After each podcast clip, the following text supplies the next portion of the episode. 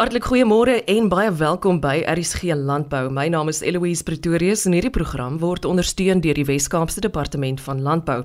Om te boer met miniatuurperdjies is moontlik 'n landbouaktiwiteit waarvan mense nie aldag hoor nie.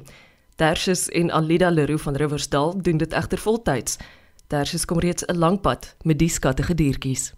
Ek het as kind het ek met miniatuurperde te maak gehad in Bethel. Ek het in Bethel groot geword. Daar was 'n oubaas Marits wat met hulle geteel het.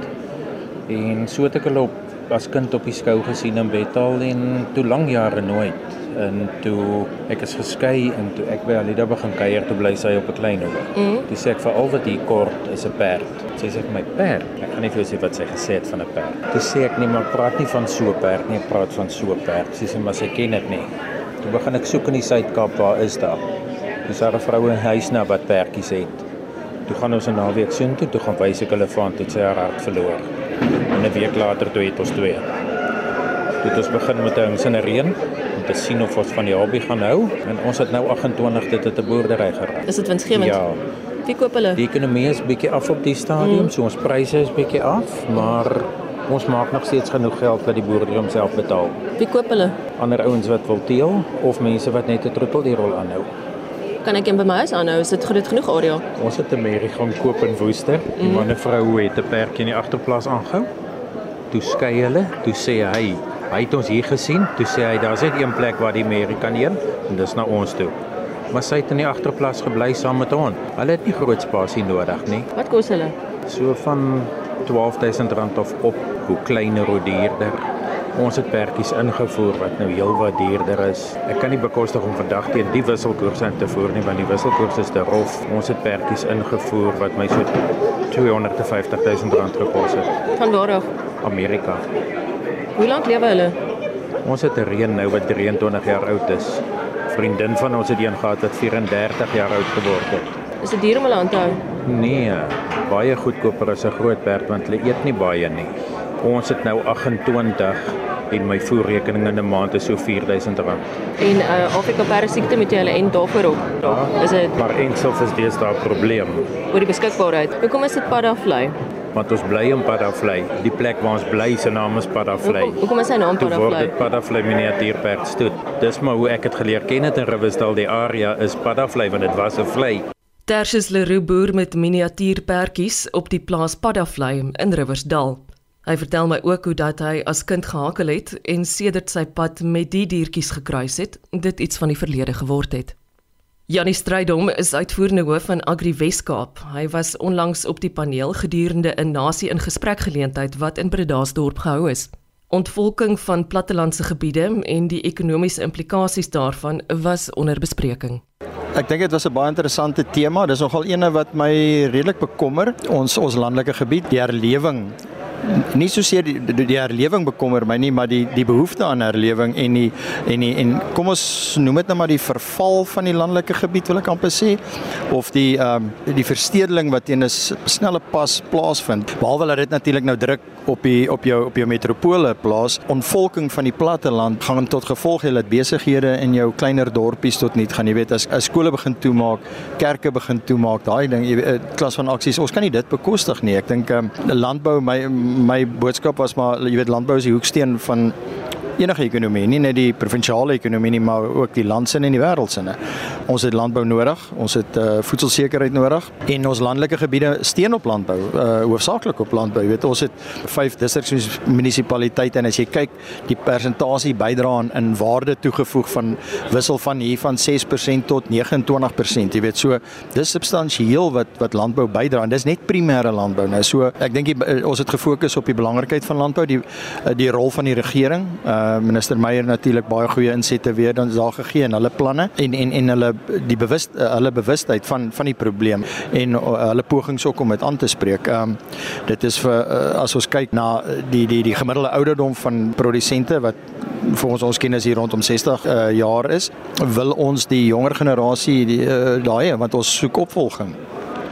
En as jou jou landelike gebied uh, of dorpie dan nou nie meer bestaan of infra infrastruktuur het nie, dan gaan hulle nie soheen toe kom nie. Jy weet jy gaan hulle nie teruglok na die na die na die platte land nie. Daai is vir ons krities en die rol dan van die regering is om te sê maar Hoe skakel ek met plaaslike instansies, besighede, organisasies en leiers en verstaan eerstens wat is die behoeftes daar? En hoe spreek ek as regering dit aan? Hoe kan ek as regering help om daai gunstige omgewing waarbinne gefunksioneer kan word te skep. Infrastruktuur speel natuurlik 'n groot rol en investering en maar wie gaan investeer? Wie gaan ontwikkel as die infrastruktuur nie daar is nie? Die infrastruktuur sluit die dorp eh, die dorpie self in. En en om minister Meyer aantal, jy weet hy hy, hy het al verskeie kere gesê dat vir landbou om te optimaal te funksioneer in die platte land, het 'n goed funksionerende munisipaliteit nodig.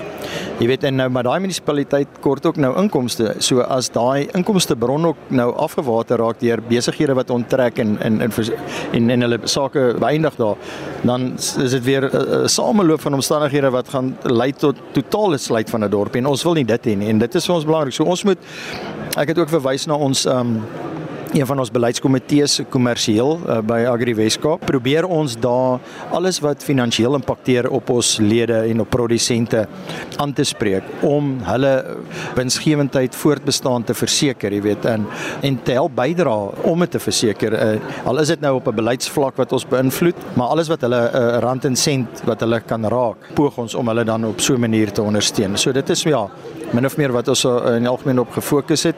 Ek dink dit was 'n baie goeie bespreking, 'n goeie sessie en en en die insigte wat daar gelewer is. Ja, ek dink die ehm um, landelike veiligheid is verseker prioriteit by Agri Weskaap. Hoe uh, hoogs prioriteit. En ons sien dit gelukkig is ons in 'n bevoordeelde posisie om 'n provinsiale regering te hê en 'n minister eh, Dr. Ivan Meyer wat minister van landbou is, maar hy maak dit ook sy prioriteit. Jy weet, sy departement uh, het 'n hele afdeling daar wat met uh, individue amptenare wat kyk na landelike veiligheid. Jy weet, daar's 'n uh, landelike veiligheid toonbank en uh, wat nou saam met ons ook werk. Jy weet, ek dink dit is vir hom regtig uh, krities dat die die sektor wat hy dien ook veilig is. Ja, jy weet ek was nou vanoggend bevoorreg om waar die kabinet landbou ontmoet het om daar insette te gaan gee en te sê, weet wat verwag landbou van uh, die ministers. En ehm uh, Die positiewe vir my daar is is dat die hele kabinet, die provinsiale kabinet was daar, elke minister was daar. Hoe bevoorreg ons is in hierdie provinsie om, jy weet, dis my tweede keer dat ek na so 'n gesprek uitgenooi word en laat ons werklik die saak van landbou daar kan gaan stel. Maar nie verrassend nie, ehm um, net ter bevestiging ons premier is op hoogte van basies al die uitdagings. Daar's enkele insette gelewer van uh, bedryfsorganisasies wat wat hulle dalk nie kennis gedra het van nie maar alles op hoogte van die groot uitdagings in, in ons provinsie ten op, en wat landbou natuurlik nou, nou nadelig beïnvloed. So absoluut bevoorreg, jy weet om dit te en, en en en net dankbaar, dankbaarheid teenoor ons ons minister Dr. Ivan Meyer en en die premier en sy span, jy weet ek dink uh, die besef eh, van die belangrikheid en die rol van landbou in die provinsie en en die bydrae tot die ekonomie rand en sent maar ook in in terme van van voedselsekerheid is absolute riem onder die hare te weet en en ja, ons bevoorreg om om deel van dit te wees en en om so 'n netwerk te kan opbou en en daai verhouding met hulle te hê weet dat ons daai insette kan en namens die, ons lede daarin te tree. Uitvoerende hoof van Agri Weskaap, Janie Strydom. Frans Hugo is werksaam by OVK in die Suid-Kaap. Hy beantwoord vanoggend vrae wat ek het rondom die klassifisering van wol en hy brei graag uit oor die kuns van skaapskeer. Ons gesels ook oor die beskikbaarheid van kundiges in ons land om hierdie spesiale taak te verrig. En nou neem ek jou graag tot binne in die plaaskuur waar die merinos besig is om geskeer te word. Spits sommer jou ore ook vir die saamgesels van 'n perd of twee. Dit is 'n kuns en en ons is 'n bietjie bekommerd die skeerbedryf het die laaste jaar baie verander.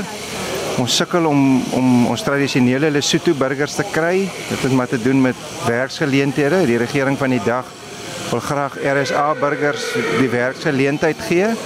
So ons het redelik goeie skeerders verloor of as sit goeie skeerders in Lesotho wat tans nie werk het nie want hulle kry nie 'n permit om te kan uitkom nie. So dis vir ons 'n probleem.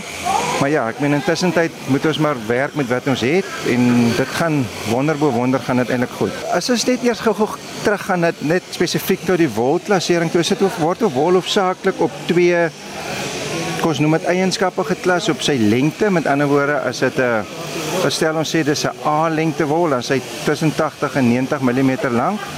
En dan kyk ons na die na die krimp of na die fynheid van die wol. So ons sal gaan sê die wol is 'n A lengte wol en 'n medium krimp, dan sal ons hom in die baalpers as AM of CM of BM of BF of self BS of BSS En dan en dan die wolkoppers kyk na ander eienskappe na skoonopbrengs en na aanvoeling en hantering en daar's 'n klomp eienskappe rondom dit wat vir weer vir die wolkopper belangrik is.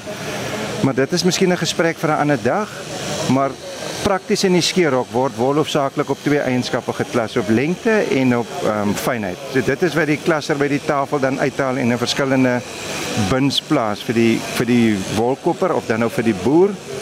Dan gaan die wol Port Elizabeth toe en dit word na die woltoetsbureau toe gestuur en daar word wol letterlik vrot getoets. Enige ding wat jy aan kan dink word gedoen by die woltoetsbureau. Skoonopbrengs en mikron en dan ja, die hantering al die goeder kyk hulle na. En dan gaan die wol veiling toe en daarna word hy nou verskeep oor see totdat hy nou op die einde van die dag in 'n kledingstuk by ons land of weer terug is by ons. En dan as jy die klassering van skape kyk, nou as jy by die bouvorm eienskappe gaan kyk, jy gaan kyk hoeveel hoeveel kapasiteit het die ooi, hoeveel wol dra die ooi, hoeveel hoeveel of wat is die kwaliteit van die ooi, wat is die lengte van die ooi? Ek dink is 'n wonderlike ervaring vir 'n skaap. Vir alles sit in die warm somerweer is en hy's lekker kort afgeskeer. Dit is amper vir ons soos om in 'n swembad te duik dink ek. Die gevoel is amper dieselfde. Dit gaan oor tegniek, hoe hoe hoe met meer gemak die skeerder die dier hanteer, hoe minder ongemaklik is die dier. Maar ons moet ook onthou vir elke aksie wat ons met die dier doen, is daar 'n teenreaksie van die dier se kant af. So die oomblik as hy ongemaklik is, gaan hy begin skop en spartel, dan raak dit 'n gevaar want dan kan 'n ou die dier begin stik en skeer en dit wil jy nie hê nie.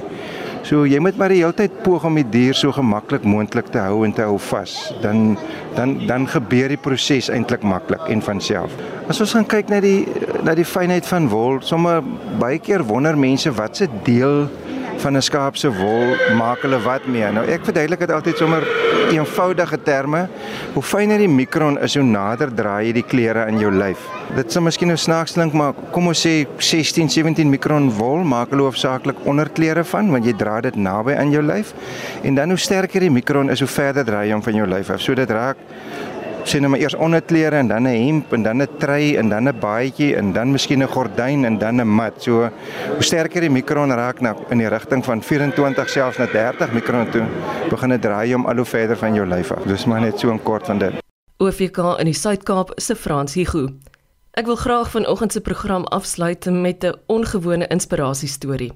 Christo Visser van Swellendam in die Wes-Kaap was destyds 'n landboumasjinerie bemarker. Sedertdien het hy kennis gemaak met kangaroo leerprodukte en vandag bestempel hy homself as agri-entrepreneur. Sy besigheid heet as volg: As Products, die eerste 3 letters van Australië.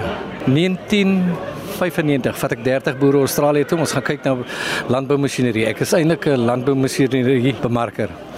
En uh toe ons terugkom, ons elkeen 'n paar skoene aan, 'n hoed op die kop, kangaroo leerbelt en uh, binne 6 maande wil hulle bure skoene hê. Ek het toe skoene ingebring in 1999 vir my BK gekoop en dit geregistreer in 'n uitvoerbesigheid. En ehm um, toe ek in 2005 my werk verloor, het ek dit voltyds begin doen. Toe in 2010 toe by vrou met kanker gediagnoseer is, het ons opgehou te doen en ek het mense gekry om vir ons te werk. Ja, dit kom van Melbourne af. Barma is die vervaardiger. Hulle is in Melbourne gestasioneer. Hulle is 'n redelike ou maatskappy. Ons het twee handelsmerke stewels wat ons invoer. Ehm um, Redback voer ons al 23 jaar in en Mangrel voer ons nou vir 12 jaar in. En dan voer ons Kakadu oilskins in en van Duitsland af voer ons in biowaks en hulle die produk wat ons op leer kan gebruik. Kangaroo leerprodukte is sy besigheid en om Christo Visser se storie vanoggend met jou te deel is 'n voorreg.